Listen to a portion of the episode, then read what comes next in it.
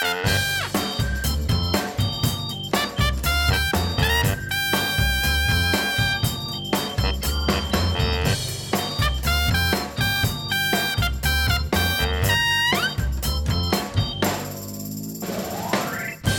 maar een week geleden zeiden we in de podcast dat het 5 voor 12 is op de wereldklok. En één CIP-podcastluisteraar heeft dat letterlijk genomen door onder te duiken op, in zijn boerderij in Drenthe. En dat gaan we bespreken in deze nieuwe podcast. Met Patrick Simons. Zo is dat. Oh, dan moeten we wel erbij gelijk zeggen dat hij al wat langer ondergedoken zat, hè, Jeffrey. Ja, ja, ja, eigenlijk wel. Dus hij heeft niet de podcast geluisterd, ben ik bang. Nee, maar misschien was die podcast wel aanleiding voor uh, buurbewoners om eens aan de bel te trekken. Ja, ja, zou kunnen. Ja. Denk het ook niet, maar goed. maar wat is er gebeurd? Vertel. Nou ja, uh, we werden deze week opgeschikt door een nieuwtje van RTV Drenthe. Dat er dus een man in een boerderij uh, zat met zes kinderen. En waarschijnlijk jarenlang zich niet liet zien aan de buitenwereld. Om het einde der tijden af te wachten in die boerderij. En de politie is ingeschakeld, ze doen onderzoek, het is nu allemaal groot uitgepakt.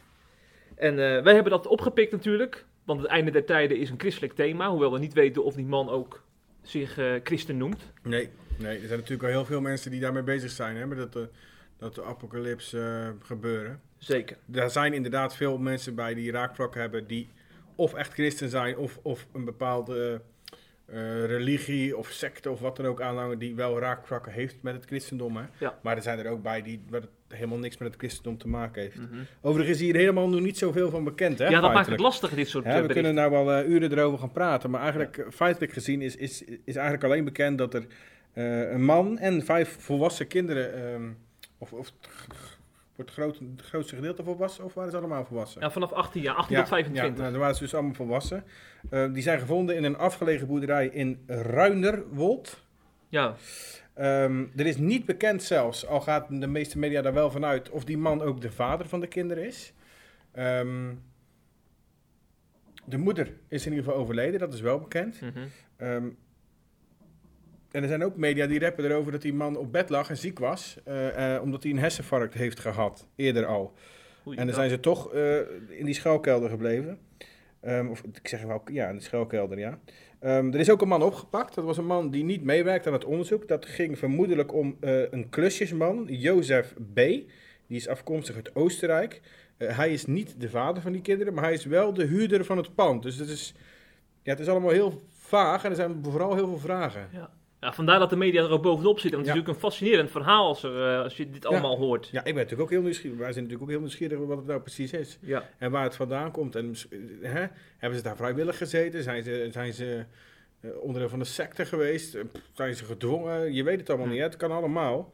Maar ik vermoed dat we dat de komende dagen wel gaan horen. Ik denk dat het vrij snel duidelijkheid komt, eerlijk Ja, gezegd. ja. Dat is ook wel hard nodig, want ik zag dat de burgemeester van eh, die gemeente, die gaf een persconferentie. En er werden, elke keer werden dan zeg maar, een vraag gesteld. En bij iedere vraag antwoordde hij, ja, weet ik niet. Dat gaan we nog uitzoeken. dan heb je een persconferentie van een kwartier, hè? Ja, ja. Ja, ja, zo gaat dat dan. Rob Jetten. Nou, misschien kunnen we wel even een stukje van die persconferentie laten horen trouwens. Dat is, goed. wel even leuk.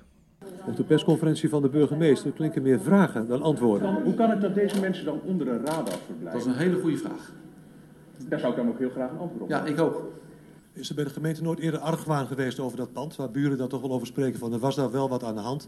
Is ooit de politie daar wezen kijken of de gemeente zelf? Uh, dat is in ieder geval bij ons uh, niet bekend. Dat gaan we ook nog verder uitzoeken of er daar uh, signalen nog zijn. Bij, ook niet bij de gemeentelijke instanties waren die kinderen bekend? Nee. Na een kwartiertje houdt de burgemeester het voor gezien. Er is op vrijwel geen enkele vraag een antwoord gekomen. ja, ja, Ja. zo kan je ook een persconferentie geven. ja, ja, toch? En ik denk dat buurbewoners in eh Ruinerwold hetzelfde dachten. Want ook bij hen leven natuurlijk heel veel vragen. ja. En ook zij kwamen uitgebreid aan bod in diverse media. Mhm. En we laten ook eens wat eh, buurbewo- buurbewoners in deze podcast horen. Wij zagen er altijd één man met een Volvo eh, he- heen gaan en die deed het hek los. En dan ging hij naar binnen en dan reed hij er weer uit, deed het hek weer dicht. En eh, die was daar in de tuin bezig en verder weten wij niks. We hebben hem, de eerste keer heeft eh, de buurman eh, is er een keer geweest met een flesje wijn en bloemen. Dat doen we altijd bij eh, mensen die hier komen wonen. Maar de politie was al eerder bij het pand. Meerdere keren zelfs, weten de bewoners. Ik neem de politie kwalijk, want die zijn er meerdere keren geweest. Maar de politie, die kwam bij het hek en die man die weigerde gewoon hen op het erf te laten. En daar namen ze genoegen mee. Wat vindt u daarvan? Ja, nooit gemogen. In een reactie op dit verhaal zegt de gemeente dat de zaak in onderzoek is. De bewoners zijn vooral ontzet en bedroefd geraakt. Ik weet niet. eh, ik, naarmate dat ik er meer over nadenk, eh, eh, word ik er alleen maar verdrietiger. En, en, en, en, en- Ja, er zijn toch geen woorden voor? Nee. Hoe raar ook, het, het, het, het leven zal hier gewoon doorgaan. U gaat weer rustig naar de tuin. Dat eh, is zeer ontspannend. En dan denk je er niet zo goed meer aan. ja. Eh, wat het opvallendste was, was dus dat die man heeft gezien dat er politie was, op, verschillende keren politie was op het erf bij, eh, bij die man die met de eindtijd bezig is. Maar dat die politie gewoon bij het hek stopte en ook genoegen nam met het feit dat hij werd weggestuurd door die, door die mensen. En die man vindt dat eigenlijk een blunder van die politie. Want stel je nou toch voor dat die politie gewoon naar binnen was gedrongen en die kinderen had ontdekt. Ja, dat is natuurlijk wel een beetje makkelijk van die man. Eh, allereerst, waarom was de politie daar? Ik denk dat buurtbewoners hem Ja, ingeschakeld hebben. Ja, maakte zich zorgen, die zagen een camera hangen ergens in een boom en zo. Ja. Maar de politie mag natuurlijk niet zomaar eh, overal zomaar ineens binnendringen. Hè. Daar moeten gegronde redenen voor zijn. Ja, dat is ook weer zo. Dus Ja. eh, het is wel, ja, ik ken de situatie niet precies en ik ben ook niet op de hoogte van de regels en de wetten omtrent wat de politie mag doen. Ik kan me zo voorstellen dat het alleen bij acuut gevaar mag of als er duidelijke aanwijzingen zijn dat er eh, iets mis is. En ik denk dat dat er dan niet was, anders zal de politie dat wel doen. Ik vind het nogal makkelijk om dat zo te zeggen. Maar Ja. al begrijp ik hem natuurlijk wel, achteraf. Maar dat is natuurlijk altijd achteraf. Altijd achteraf. Ja. En wie ook achteraf eh, eh, wat heeft ingesproken in een microfoon, dat is dominee George Naber. Het Reformatorisch Dagblad heeft deze dominee uit dit mooie Drentse plaatsje opgezocht. Ik vond het trouwens toch wel hele eh, snelle actiejournalistiek van Ja, RD. heel goed, Dat heel goed gelijk bij ja. dominee aankloppen. Vind ik ook, absoluut. Heel Ja. veel complimenten voor RD dat ze dat zo snel eh, op die manier hebben opgepakt. Het is inderdaad een protestantse predikant en eh, die vertelde wat hij ervan vond. Je kon trouwens merken dat die man niet zo gewend was aan de camera. Hij Ja. was een beetje zenuwachtig. Beetje wel, ja. Ehm, maar ja, hij- wat hij zei, dat klopte. en Dat vond ik, was ik het wel mee eens. Hij, hij, hij, hij zei dat er, dat er bij die mensen, naar zijn mening, sprake moest zijn van een ja, verstoring in het gezonde evenwicht. Omdat je volgens hem als christen ook in deze wereld staat. Hè, in de wereld van je buurman en, en voor de mensen met wie je in aanraking komt. Eh, en dat jezelf opsluiten, ja, dat lijkt mij ook niet de meest christelijke manier eh, van leven. Maar goed, we weten helemaal niet wat de beweegredenen zijn. Dus laten we het gewoon even afwachten. Ja, ja, lijkt mij het beste inderdaad. Ja. Ik vond dat hij trouwens nog wel een interessante quote had, die we nog even laten horen van deze dominee. Op het einde der tijden, ja, je hebt natuurlijk bepaalde bijbelse lijnen die zeggen dat, er, dat er een, eh, aan het einde der tijden dat dat eh, bijzondere dingen gebeuren, eh, dat ook de antichrist opkomt, eh, dat je eh, voorzichtiger moet zijn, de wereld moet mijden.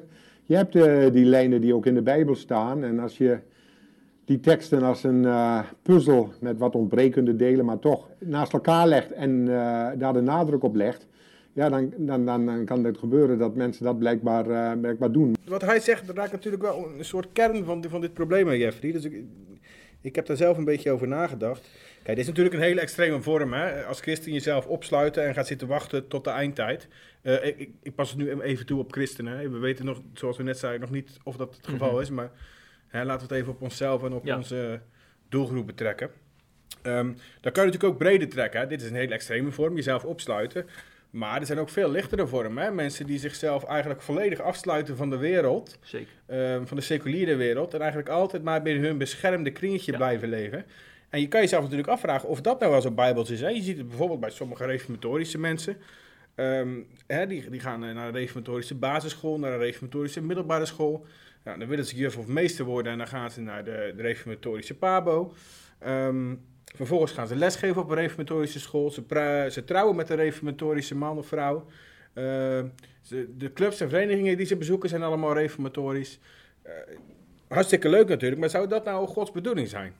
Vraag Dat- ik me af. Ja, ja. Hè? Of, of wil misschien, misschien wil God juist wel dat we ons mengen onder de mensen en, mengen in en komen in omgevingen waar, waar, waar we licht kunnen geven. Hè? In omgevingen waar het donker is. We kunnen nooit een lichtend licht zijn in een omgeving waar het al licht is, lijkt me. Mhm. Hè? Dan moet je toch een omgeving zijn waar het donker is. En als je dat kijkt naar hoe de, hoe de eerste christengemeenten dat deden, hoe de eerste gemeente, christelijke gemeentes dat deden in, in, na Jezus, die, die hadden gebou- gebouwen bijvoorbeeld op, op hele drukke handelswegen. En er kwamen allemaal mensen langs, allemaal reizigers, die vingen ze op, die, die konden slapen bij ze, die gaven ze eten. Die stonden eigenlijk midden in de wereld van die tijd om juist zo een licht te zijn. Mhm. En ik denk dat dat een van de belangrijkste redenen is dat het christendom in het begin zo explosief gegroeid Mhm. is. Ja. Eh, en dan weet ik niet of het nu de bedoeling is dat we als christenen, en ik noem net reformatorisch als voorbeeld, maar dat gebeurt natuurlijk net zo goed bij evangelische hè, of bij andere christenen. Eh, ik weet niet of de bedoeling is om altijd maar in je eigen beschermde wereldje te blijven. Hm. Even een zijpaadje, maar ik denk dat het wel in het verlengde hiervan ligt. Je moet ook eens kijken hoe vaak het in de Bijbel gaat over eh, je huis verlaten en op reis gaan. Hè. Het begint al bij, bij Abraham. En vervolgens ook al die eh, Bijbelfiguren die erna kwamen, zijn altijd maar op reis. En natuurlijk heb je dan het Nieuwe Testament heb je de zendingsopdracht hè, ook. En Paulus en al die andere eh, apostelen. Het komt voortdurend terug. Ja, En nou, en nou zijn we natuurlijk eh, over de hele wereld het evangelie aan het verspreiden. Je hebt allerlei zendingsorganisaties. Er is zelfs een campagne opgestart om nog drie, om 3 miljard mensen te bereiken die nog niet over Jezus hebben gehoord. Dat is een, een nieuwe campagne van de Nederlandse zendingsorganisatie. De krachten bundelen de komende jaren om dat te bereiken. Eh, kijk, het is natuurlijk wel de vraag, Jeff. ehm, het is heel mooi, hè, al die initiatieven. Maar eh, hè, al, al, al zendingsorganisaties, mensen, grote campagnes. Maar we kunnen al beginnen met een lichtend licht te zijn, waar ik het net over had. Hè? Bij de buurman en bij de buurvrouw. En eh, bij die man op de hoek van de straat die altijd eenzaam is. Of ga eens een bejaardentehuis binnen en kijk eens hoeveel ouderen er eenzaam zijn. Snap je? Daar begint het eigenlijk al. Ja. En ik denk dat we dat mezelf voorop moeten leren als christenen. Juist in deze westerse wereld. Want Zeker. ik denk in, in, in armere landen, in ontwikkelingslanden, is dat veel minder. Ja, die hebben al die verleidingen niet. Nee, die hebben ook veel meer zorg voor elkaar. Ja. En dat gaat allemaal gepaard, wat jij vertelt, Patrick, met een gezonde eindtijdverwachting. En wie daarover eh doseert regelmatig, namens het Evangelisch College, adverteerder van CIP, Evangelisch College, Welke? het Evangelisch College. Is dit die adverteerder van ons? Ja, ja, al jaren, een hele trouwe is een adverteerder. hele trouwe adverteerder. Ja. Het En namens- Evangelisch College. Juist. En namens dat Evangelisch College is Evert Leeflang docent. Ja. Met hem heb ik een videoserie opgenomen pas over een gezonde eindtijdverwachting. Laten we dit item over de eindtijd op een christelijke manier beëindigen door te luisteren naar Evert Leeflang. Wat is nou een gezonde eindtijdverwachting? Ja, nou dat, dat begint dus denk ik met een stukje omdenken. Ehm, als, ik, als ik aan jou zou vragen, wat is eigenlijk jouw toekomstverwachting? Ehm in eh, 9 van de 10 keer wordt daarop geantwoord in, in termen van een plaatje. Hm. Nou, ik denk dat dit gaat gebeuren of dat gaat gebeuren. Het ziet er zo uit. Ehm, ik denk dat de eerste stap die we moeten maken is dan bedenken dat het misschien wat minder draait om bij verwachten om ideeën over de toekomst en wat meer over hoe leef ik naar de toekomst toe. Ja, ja. Want wat betekent het eigenlijk om te verwachten? Eh, stel dat ik jou op bezoek krijg in mijn huis. En dan verwacht ik jouw komst in mijn huis. Hoe ziet dat er dan uit dat ik jou aan het verwachten ben? Nou, dat, dat is niet zozeer dat ik heel erg met een plaatje bezig ben... van hoe jij dan mijn deur binnenwandelt... en hoe jij dan gaat zitten en je jas uitdoet... maar dat het veel meer te maken heeft met hoe bereid ik mij voor op jouw komst. Dus, dus ik ga allerlei activiteiten ontplooien. Ik ga, ik ga even koffie zetten. Ik bedenk even, eh, houdt Jeffrey nou wel of niet van, van een koekje bij de koffie? Heeft hij melk erin? Eh, is de kamer een beetje netjes? Ik ben allemaal activiteiten aan het ontplooien als voorbereiding op jouw komst. En dat is volgens mij veel meer een bijbelse manier van denken in termen van wat, is, wat betekent om te verwachten. Dat betekent dat ik een houding aanneem naar de toekomst toe die mij voorbereidt op zijn komst. Of zoals Maarten Luther zei, als ik wist dat Jezus morgen terugkwam, plant ik vandaag nog een boom. Juist. Dat is, die heb ik heel vaak gehoord in preken trouwens. ja, ja, heel vaak. Hè? Maar ik denk, gooi er gewoon in. Ja, waarom niet? Wie te druk is voor het planten van een boom, dat is Donald Trump. Hij zit regelmatig op de golfbaan. En hij moet ook wel eens ingrijpen in de geopolitiek. Want er is van alles aan de hand eh, in onze wereld. En ook in het Midden-Oosten. Daar hebben we het vorige week ook over gehad, Patrick. Ja, we hebben het vorige week al over gehad. Ja, toen begon het eigenlijk een Ja, beetje die dag ja, toen we die podcast maakten. En sinds die dag dat eh, Turkije Sy- Noord-Syrië binnenviel, is er enorm veel gebeurd. Inmiddels ehm, zijn er al meer dan 100.000 Koerden gevlucht. En ehm, er zijn nieuwe ontwikkelingen deze week, Pet. Want Donald Mhm. Trump liet van zich horen. En de, eh, bij, de, bij de NOS liet zijn correspondent Arjan van der Horst aan het woord. eh, over de vraag waarom hij zijn vicepresident Mike Pence liet afreizen vandaag naar Turkije. Correspondent Arjen van der Horst. Arjen, wat gaat hij daar doen, Pens? Ja, Pence gaat naar Ankara om met de Turkse regering te praten. Hij heeft een simpele boodschap. Eh, de sancties van Amerika tegen Turkije zullen van kracht blijven zolang de gevechten doorgaan in uh, Noord-Syrië. Ja, en hij roept president Erdogan op om de uh, inval in Syrië onmiddellijk stop te zetten. The United States of America wants Turkey to stop the invasion, to implement an immediate ceasefire, and to begin to negotiate uh, with Kurdish forces in Syria to bring an end to the violence. Ja, het is wel Or Orwelliaans wat uh, Pence hier zegt. Hè. Oorzaak en gevolg worden hier omgedraaid door het Witte Huis. Trump biedt zelfs aan te bemiddelen tussen de strijdende groepen. Wil dat Turkije een einde maakt aan de gevechten. Terwijl hij een week geleden nog zelf het groene licht gaf aan diezelfde gevechten. Nou, Amerikaanse militairen in Syrië een stapje opzij, gaven ruim baan aan de Turkse strijdkrachten. Nou, voor president Erdogan was dat het signaal om die inval te beginnen. En Trump zegt nu, zie je wel, ze zijn daar altijd aan het vechten. Daar moeten we niet bij zijn als Amerika. En hij gebruikt dit argument nu om zijn besluit te verdedigen. Ja, terwijl hij voor het gemak weglaat dat hij zelf die lont in het kruidvat daar heeft gestoken. En overigens heeft Erdogan ook op uh, uh, dit nieuws gereageerd. Dat, uh, dat Amerika dus sancties gaat instellen tegen Turkije.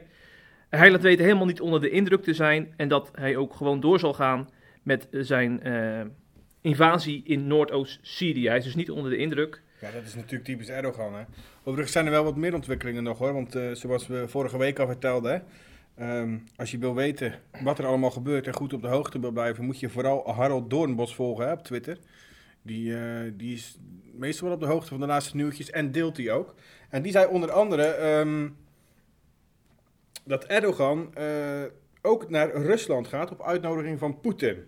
Dat is interessant. Dus daar gaat hij spreken. Uh, en dat, het doel daarvan is dat men verdere escalatie tussen Turkije en het leger van Assad, hè, die, die inmiddels ook uh, zich ermee zijn gaan bemoeien. Weer. Ja, het leger van Assad is de Koerden te hulp geschoten. Ja, ja. ja. Op, best opvallend, hè, want die hebben eerst natuurlijk jarenlang tegen elkaar strijd gevoerd. En dat heeft duizenden, duizenden, mm. duizenden doden gekost. Maar de Koerden zagen nu dus geen andere oplossing meer dan ja. het leger van Assad weer ja, toe te laten in dit gebied eigenlijk. En om hulp te vragen. En uh, nou, met alle gevolgen van dingen in de toekomst waarschijnlijk. Maar goed, dat, dat weten we nog niet. Maar goed, uh, Erdogan die is dus, uh, die gaat naar Rusland.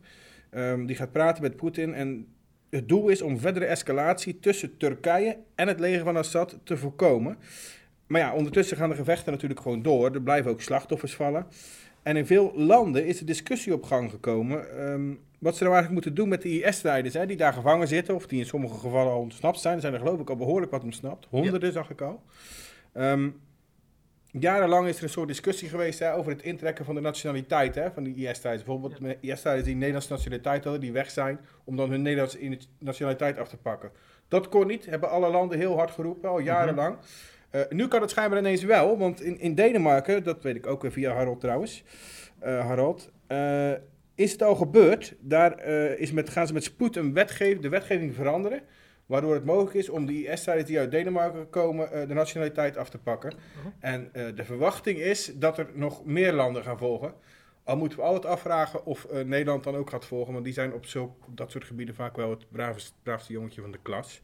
Hm. Um, er is er nog iets anders opvallend. Een andere tweet van Harold ook trouwens. Die zei: Veel mensen in Europa heeft hij de afgelopen dagen gezien die hadden heel veel kritiek op uh, het, het, feit waar we het net over hadden, dat het leger van Syrië, leger, hè, het gebied is binnengetrokken en ook Rusland. Uh, en dan kregen ze allemaal opmerkingen als vreselijk, hè, die gaan de macht daar weer overnemen en het gaat helemaal mis daar. -hmm. En daar tweet Harold over. het is erg makkelijk voor westerse analisten om geopolitieke en moralistische alarmbellen te luiden over de opmars van Syrië en Rusland in Noord-Syrië.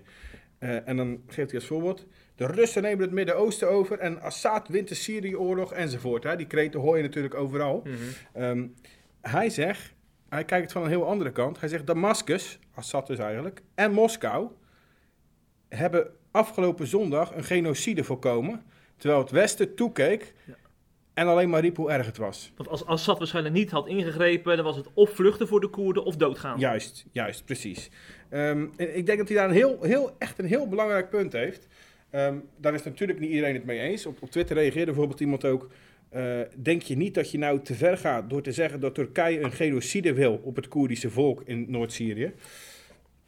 Als dat echt is wat je bedoelt, ben ik zwaar teleurgesteld in jou als journalist. De PKK, daar heeft je dan gehersenspoeld. Goeiedag. De PKK is die Koerdische terreurorganisatie, hè? Dat klopt. En daar reageert Harold erop. Haha, gehersenspoeld nog wel. Dat zal het zijn. En dan komt het belangrijkste. Dit is namelijk de kern van zijn punt. Het grote probleem is niet het Turkse leger, maar de pro-Turkse Syrische rebellen die overal door Noord-Syrië rondstruinen. Die zijn de volledige controle kwijt. En volgens Harold zijn die gasten ISIS light, ruiken ze bloed en zijn ze volledig uit controle. Niemand kan ze meer controleren. En die zorgen dus, die, hè, die, die genocide waar we het net over hadden, en dat is dus voorkomen doordat Rusland en eh, Assad zich ermee zijn gaan bemoeien. Dus hoe je ook over ze denkt, eh, die hebben wel degelijk iets heel goeds gedaan op dat moment. Die hebben die genocide voorkomen, terwijl wij, terwijl we ons moreel zo ver verheven voelen, hè, boven Rusland en boven eh, het leger van Syrië, wij deden niks. Wij Mhm. stonden alleen maar te kijken en te roepen hoe schandalig het was. Ja, ja. Trump die trok zich terug en Europa is druk met praten. Precies. En zij grepen in. Precies. Ehm Gert-Jan Segers, die is eh, onderdeel van de Nederlandse regering natuurlijk, eh, als eh, leider van de ChristenUnie. En ehm, dan is het ook logisch dat, hij om uitleg, dat hem om uitleg wordt gevraagd door eh, dit, in dit geval BNR Nieuwsradio. Laten we even luisteren naar hoe Gert-Jan Segers op dit nieuws reageert. Nou, het is een gevoel van verraad aan de, aan de Koerden. Dat is het gevoel wat bij mij overheerst. En dat is een heel tragisch, eh, tragisch gevoel, ook heel onmachtig eigenlijk. Ja, nu is er een deal gesloten met Assad. Assad komt dus de Koerden helpen. Nou, dat betekent dat Assad, Iran, eh, de Turken, Rusland, dat zijn de winnaars van de Syrië-oorlog. Na al die inzetten, ook van West-Europa, ook vanuit Nederland. Ja, tel uit je winst zou ik zeggen. Ja, dus dat is net echt een dramatisch moment. Trekt u zichzelf misschien ook iets aan? Ja, eh, wij hebben tien maanden geleden voorgesteld om Amerikanen te helpen in Noordoost-Syrië. Daar kregen wij geen steun voor. Ehm, en tegelijkertijd ben ik mede verantwoordelijk voor Nederlands beleid. Dus ja, ik trek het me aan. Ja, daar is eigenlijk eh, geen spel tussen te krijgen. Hè? Dat is heel duidelijk. Hij heeft er trouwens ook nog een column over geschreven in het Nederlands Dagblad. Ja. Kwam een beetje op hetzelfde neer. Hetzelfde verhaal. Ehm, het, ik vind het wel opvallend. Kijk, dat zeg ik net al. Hè, terwijl we in Europa allemaal heel hard aan het roepen waren hoe erg het was en hoe schandalig het is. Maar niks doen. Eh, dus zo komt het nu ook een beetje over. Hè? Als, nu trekken ze zich het, het lot van Syrië ineens allemaal aan. Hmm. Ehm, ik moet wel zeggen dat CU daarvoor, daar, daar een uitzondering op is. Omdat die, ehm, zoals Segers zelf al zegt, al met een voorstel kwamen om wel degelijk de Amerikanen te gaan helpen. Hè? Wat overigens gesteund werd door SGP. Ja, Ehm, de dus enige Dus ook. de twee christelijke partijen eh, in, het kab- eh, in het kabinet in, eh, in Den Haag. eh, die wilden helpen. De rest van de partijen allemaal niet. Dus dat zijn uitzonderingen. Maar hè, al die anderen, Rutte en Co, die gaan nu natuurlijk weer de, de geschokte... Ik ben enorm geschokt troef spelen. Mhm. Terwijl ze het, ja, ze zijn gewoon gedeeltelijk verantwoordelijk. verantwoordelijk want ze hebben stelselmatig geweigerd om, om hulp te bieden daar. Terwijl het echt nadrukkelijk gevraagd is door Amerika, meerdere malen. En dan zie ik weer zo'n zo'n minister, hè, de minister van Defensie, Ank Beideveld, die direct gaat lopen toeteren in de media eh, dat ze teleurgesteld is in Trump en alles naar Trump toeschuift. En ze ging roepen, zo gaan we niet met elkaar om. Want Trump had eerst alle andere landen, waaronder Nederland, moeten informeren. Want zo ga je met bondgenoten om. Voordat hij open, in het openbaar maakt dat hij zijn troepen terug zou trekken. Ehm, overigens reageerde ambassadeur Piet Hoekstra, de Amerikaanse ambassadeur in Nederland, daar heel laconiek op. Die, die, die, zei, eh, die was totaal niet onder de indruk van, de, van, de, van die stoere, nou ja, stoer, het is helemaal geen stoere taal, van die taal van, eh, van Beideveld. Die zei, Nederland is weggelopen uit Syrië. Die minister kan teleurgesteld zijn, dat is prima. Nou, dat lijkt me kort maar duidelijk. En, en hij heeft volkomen gelijk ook, want die, die mevrouw Bijveld is echt hypocriet in dit, ge- in dit geval.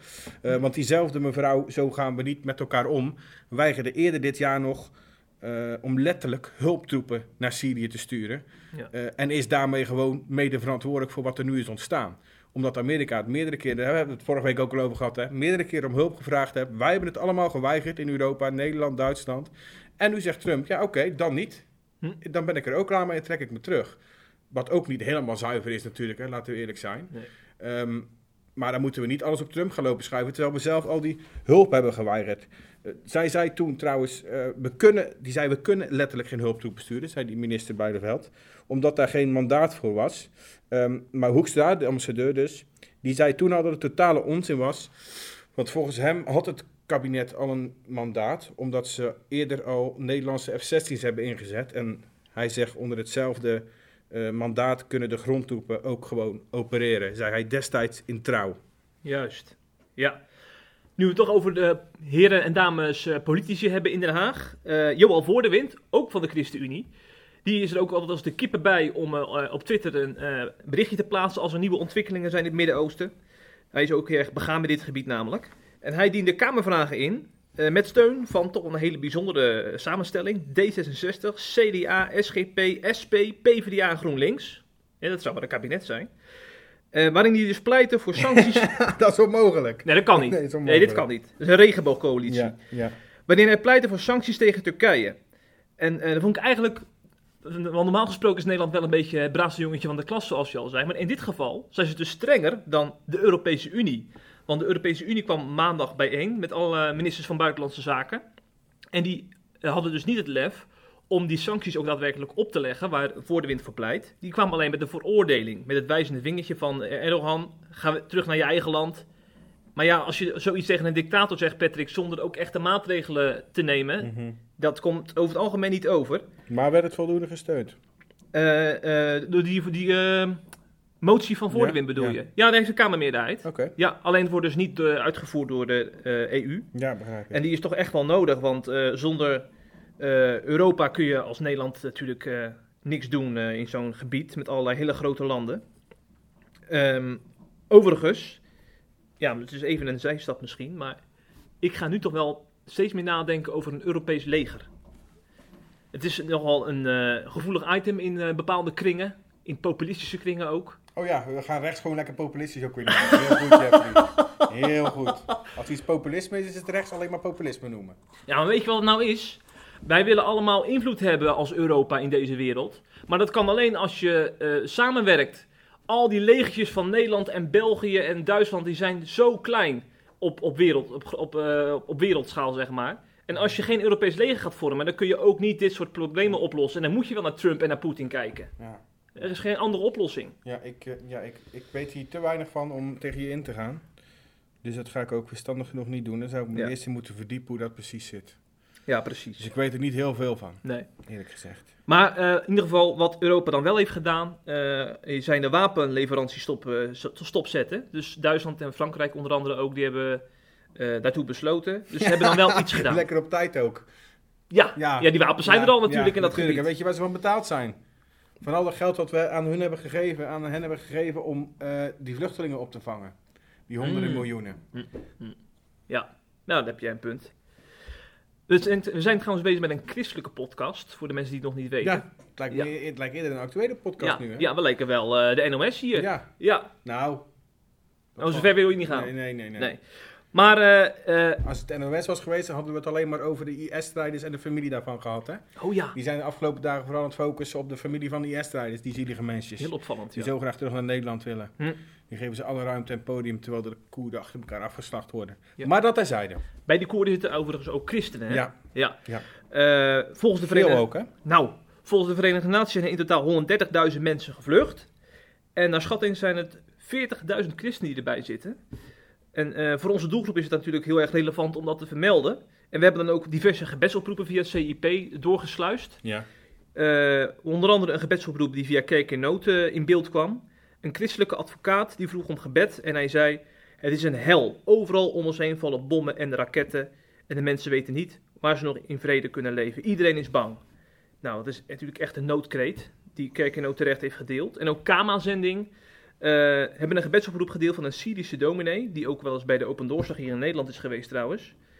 En ehm, ja, hij deelt eigenlijk dezelfde noodkreet. En wat ik dan ook opvallend vind, dat Kama-zending een voorganger quote van een Arabische gemeente in Enschede. En die voorganger bevestigt eigenlijk jouw analyse, Patrick. Die voorganger zegt, het Syrische leger is met ondersteuning van Rusland binnengekomen en heeft de Turken weggehouden. Het was anders een gigantische ramp geweest. Prijs de Heer, zegt hij er ook nog bij. Nou, als dat niet een ondersteping is van jouw analyse, Ja. dan weet ik het ook niet meer. Dus eigenlijk heb ik gewoon weer gelijk. Daar komt het helemaal op neer. Fijn. Applaus.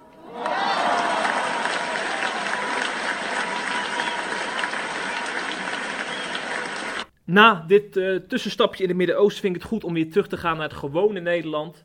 Hè, want uiteindelijk gebeurt er ook heel veel waar we onze ogen op willen richten. En in het bijzonder gaan we dan naar Urk, waar we onlangs een podcast hebben opgenomen. Ja, Schitterend En was dat, op die dag heb jij een hele bijzondere man ontmoet. Ik denk er nog vaak aan terug aan die mooie dag. Ja. We hebben een heerlijk visje gegeten. Oh ja. We hebben een podcastje opgenomen inderdaad. We hebben iemand eh, zijn pet uit het water zien vissen die erin Ja. waaide. Ja, ja. Het was schitterend. En ik ben ook bij eh Luut Schrouw geweest. Luut Schrouw is eh, de koster van de lokale Pinksterkerk, Pinkstergemeente in Urk. En die heeft een heel bijzonder levensverhaal. Ehm, wat ik heb opgetekend, dat heeft deze week eh, op SIP gestaan. Hè. Staat natuurlijk nog steeds op SIP, dus iedereen kan het nog steeds lezen. Het is wel SIP overigens. Ehm, die man die, die, die groeide op in de, in de Pinksterkerk. Hè. Zijn opa en oma die, die hebben die kerk opgericht op Urk. Ehm, en zijn moeder was heel actief in die kerk. En zijn vader die was vissersman. Zoals zoveel Urkers natuurlijk. Hè. En eh, hij was enorm gesteld op zijn vader. Hij was eigenlijk altijd met zijn vader bezig. En hij was ook altijd heel bang. Zijn vader ging de zee op en als hij dan op bed lag, dan stormde het heel hard en dan hoorde hij de dakpannen kletteren op het. En dan was hij eigenlijk maar met één ding bezig. Als papa maar niet. Als, als, als, die- als, als het maar goed gaat op zee. En dan zei zijn moeder altijd: Dan moet je maar bidden tot de Heer. Want als je tot de Heer bidt, dan komt papa altijd weer veilig thuis. Ehm, nou, dat gebeurde ook altijd eigenlijk. Eh, maar uiteindelijk ging er wel iets gruwelijks mis. Zijn vader die, die, die, die, die kon nogal flink drinken. En op een nacht eh, hadden ze een hele gezellige zaterdagavond gehad. En die man eh, eh, ging naar bed. Die valt van de trap af, die vader. Hè? En die komt te overlijden. En Lut vond hem. Dus, dus zijn, vader, zijn moeder en hij hoorden die klap. En zijn moeder zei, joh, ga eens beneden kijken. Want het gebeurde wel eens vaker dat hij viel. Dat hij, dat hij een beetje aangeschoten was. En hij vond zijn vader daar en die, zijn vader is overleden. En vanaf dat moment ging het leven eigenlijk volkomen... Sloeg het leven helemaal om voor hem. Hè? Hij- zei tegen mij, ik besloot toen twee dingen. Hij was nog best jong. Eh, een puber was hij eigenlijk. Hij zei, één, ik, ervoor, ik ging ervoor zorgen, ik was vanaf nu de kostwinner. Ik ging ervoor zorgen dat mijn moeder niet hoefde te verhuizen. Dat ze in het huis kon blijven wonen. Dus ik ging geld verdienen. Eh, twee, God, Jezus, daar wil ik nooit meer iets mee te maken hebben. Dat heeft natuurlijk te maken met wat ik net zeg. Hè? Eh, ik heb altijd gebeden, maar waar is God dan? Want hij, nou is mijn vader alsnog dood. Dus het klopt helemaal niet wat mama oud gezegd heeft. Heeft hij in het begin ook zijn moeder eh, nog redelijk kwalijk genomen. En dat begrijp ik ook heel goed. Ehm, nou, toen is hij, eh, heeft hij van alles gedaan. In het begin heeft hij gewoon vooral heel hard gewerkt in, in allerlei eh, baantjes daar, hè, in, in de visafslag enzovoort. Op een gegeven moment is hij een succesvolle zanger en DJ geworden. Hij, hij trok eigenlijk het hele land door, mocht, mocht overal optreden, werd echt bekend, ging veel geld verdienen. Ehm, maar dat had ook zijn keerzijde, dat zie je wel vaker hè, bij dat leven. Ehm, hij dronk veel, hij eh, gebruikt ook drugs. Al moet ik daar wel bij zeggen dat hij dat gecontroleerd deed. Hè. We horen bij drugs vaak dat het helemaal Mm. misgaat. Eh, dat was in dit geval niet zo. Hij deed het eigenlijk alleen als hij vrij was. En dat was niet zo vaak. Want vaak moest hij natuurlijk in het weekend of optreden of, of draaien als DJ. Ehm, hij was heel veel met vrouwen bezig. Hij is een keer getrouwd geweest. Dat is ook, eh, daarna is hij gescheiden omdat hij veel vreemd ging. Hij ging met mensen, met, ja, met fans, zeg maar, van hem als zanger. ging, hij, ging veel ja, ging hij naar bed. Ehm, een heel losbandig leven leidde hij in ieder geval. En wat hij ook deed, dat is heel, vond ik heel bijzonder trouwens. Ehm, hij ging stelen terwijl hij dat leven had. Dus hij verdiende eigenlijk genoeg. Hij werkte, hij zong, hij draaide muziek als DJ. Maar dan ging hij, daarnaast ging hij stelen. eh, eh, eh, ehm, en hij noemde zichzelf de Robin Hood van Urk. Dus hij ging stelen van de rijken en dat deelde hij dan uit aan de armen. Oké dan. Ehm, daar is hij later mee gestopt trouwens, is nooit gepakt. Eh, dus ja, dat vind ik heel bijzonder dat hij dat deed. Hij had natuurlijk een heel goede dekmantel, niemand zou hem verdenken. Hij had een prima carrière enzovoort. Ehm, nou goed, dat ging steeds verder zo. Hij raakte zijn vrouw kwijt. Op een kreeg hij weer een nieuwe vrouw, kreeg hij een kindje mee. Ehm, en het belangrijkste was dat hij eh, echt, echt, wat ik net zei, God en Jezus verafschuwde, maar, maar ook het kerkvolk verafschuwde. Want hij, daar wilde hij niks mee te maken hebben. Want hij die keek altijd op hem, zo heeft hij het altijd ervaren, op hem en op zijn gezin neer. Hij was er eentje van schraal, van die dronkenlap die van de, van de trap viel. Terwijl hij zoveel van zijn vader hield. Hè. En, en, en dan zei hij tegen me, hij zei, dan dacht ik, we ben je toch een hypocriete ja, eikel eigenlijk gewoon. Je zit elke zondag voor in de kerk en mij loop je te veroordelen. Terwijl ik, terwijl ik zo mijn best doe om, om, om, om, om ook gezien te worden hè, door de mensen. Om, om ook belangrijk te zijn, om ook iets voor elkaar te krijgen in het leven. Ehm, maar goed, langzaam maar zeker veranderde toch wel iets in zijn leven. Zijn vrouw kreeg meer interesse in de kerk. Eh, dus die ging ook, ging ook regelmatig met zijn moeder, met, met, met Lut zijn moeder mee naar kerk. Hè? Want Lut zijn moeder die zat nog steeds in die Pinkstergemeente. Eh, en op een uur ging Lut ook regelmatig mee. Maar hij leidde, hij eigenlijk nog steeds een leven zonder God. Hij ging wel mee. Hij vond het af en toe wel bijzonder. maar hij bleef gewoon lekker draaien. eh, hè, in die muziekscene bleef hij zitten. Ehm, een beetje een dubbel leven leiden. En het bijzondere is dat in al die tijd dat hij, dat hij draaide in de discotheek, in Urk draaide die, was er een man uit die Pinksterkerk. En die kwam elke zaterdagavond voordat Luut begon met draaien, kwam hij even naar hem toe. Die kwam speciaal daarvoor naar die discotheek toe. Die kwam een praatje met hem maken. En helemaal niet een soort bekeringspraatje, gewoon een praatje hoe het met hem ging.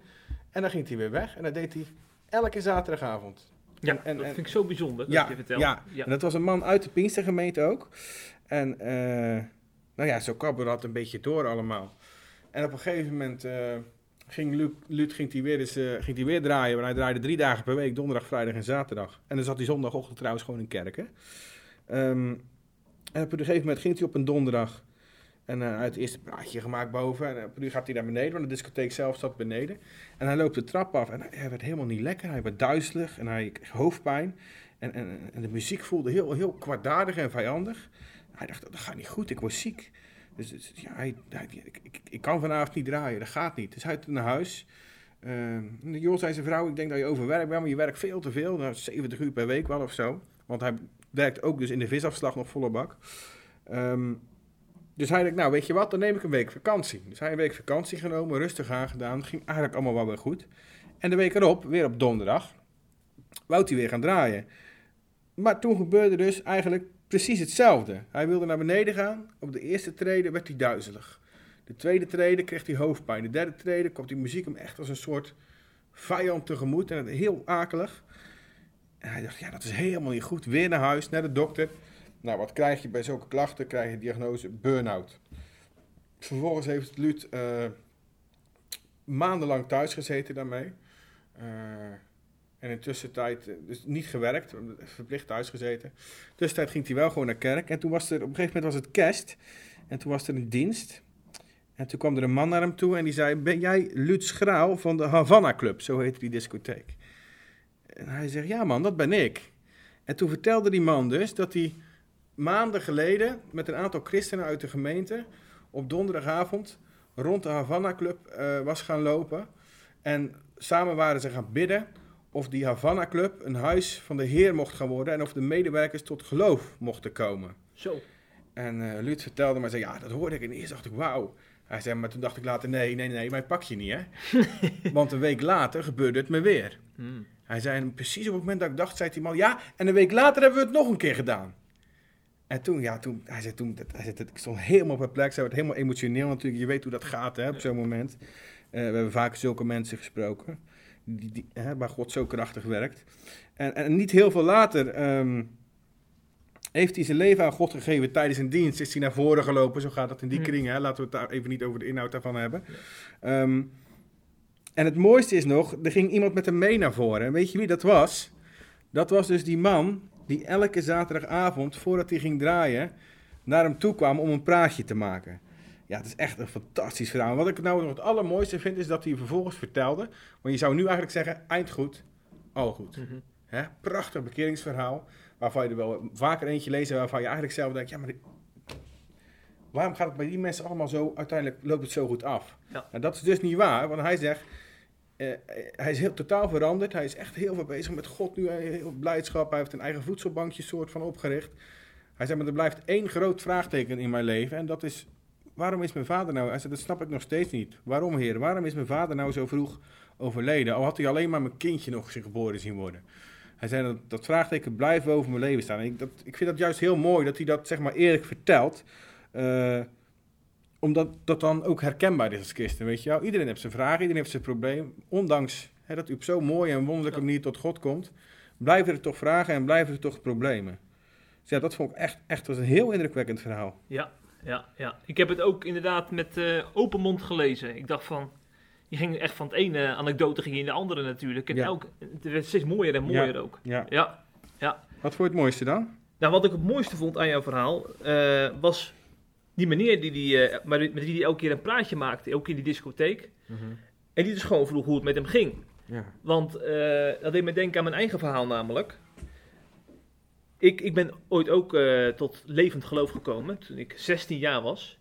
En dat begon ook bij een jongen die vroeg op een sportveld, hoe gaat het met je? Dus niet eh, van, eh, ik geef je even een folder over het evangelie. Of, hey, waar ga je eigenlijk naartoe als je doodgaat?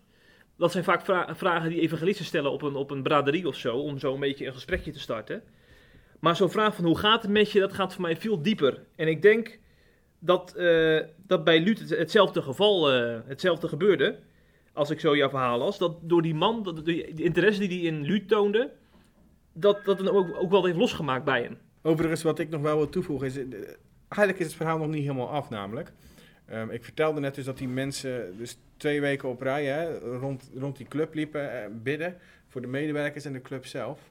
Ehm, en inderdaad, Lut was dan een van de medewerkers die tot geloof is gekomen. Maar het andere gedeelte van hun gebed, of het een huis van God mag worden, is ook in vervulling geraakt. Want inmiddels is die Havana Club, die discotheek, eh, dat, is geen, dat is geen discotheek meer, maar dat is een jeugdhonk voor christelijke jongeren geworden. Ja joh? Dus dat is heel bijzonder. En Luut zelf die zei daarover... Wat een geweldige humor van de God die ik met heel mijn Urkerhart lief heb. Ha, mooi. Prachtig hè, om af te Ja, sluiten. ja, ja. Urkerhart, ja. Urkerhart. Super. Een Urkerkoster met een Urkerhart. Voor God. En wij hebben een, een Urker collega. Die hebben wij ook nog, ja. Ja, daar zijn we trots op. Ja, Onze die, Lucas. heeft- die regelt al deze verhalen voor ons, hè? Ja, hij heeft de contacten. Ja, via Lucas hebben we contact kunnen opnemen met Luut. Super. Ja. Dus Lucas, bij deze bedankt. Ja, Lucas, ga zo deur zou ik zeggen. Zodat we binnenkort weer een keertje naar Urk kunnen. Ja hoor. Om weer allerlei mooie verhalen te maken. Heerlijk visje eten weer. En een podcast misschien weer. Zeker. Ja. Nou, misschien ook een keer een andere plek. Ik, Ja. ik zou een keer naar Katwijk aan Zee met jou willen. Of Of. Tolen, hè? Of Tolen. Tolen, Tolen, ook een keer doen. Ja. Ja. Prachtige Heerlijk. dorpen allemaal. Stad. Tolen Oh. is een stad. Ja, Ol is een van de, van de grootste blunders die je kan maken Ja. in Tolen. Hè? Ja, dus ik gooi je dat- zo meteen het drama tussen Patrick, wij gaan volgende week weer doorpraten. Ja. We hebben nog heel veel te doen, want het nieuws staat nooit stil bij CIP. Nee, en wij ook niet. En wij zeker niet. Dus we gaan weer aan de slag. Yes. En tegen de luisteraar zeggen we tot de volgende keer. Doei, doei.